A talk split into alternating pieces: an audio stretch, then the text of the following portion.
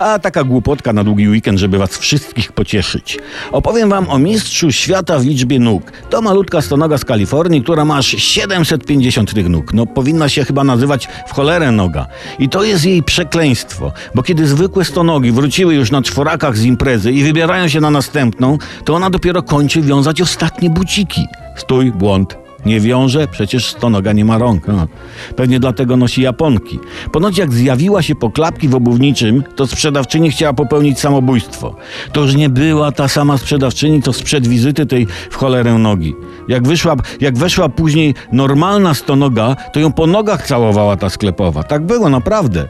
A i tak masz szczęście ta 750 noga, że mieszka w Kalifornii, bo tam klimat ciepły. U nas do obuwia doszłyby jeszcze kłopoty z wkładaniem skarpet.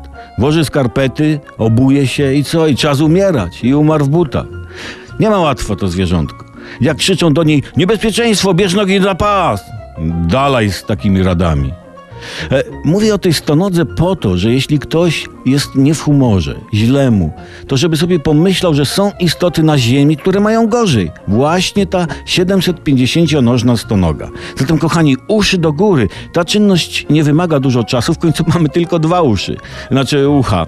E, Znaczy uchy. E, Se wybrałem przykład. O, ludzie, głowa do góry. Głowa. Jeszcze mniej roboty niż z uszmi. No. Miłego długiego.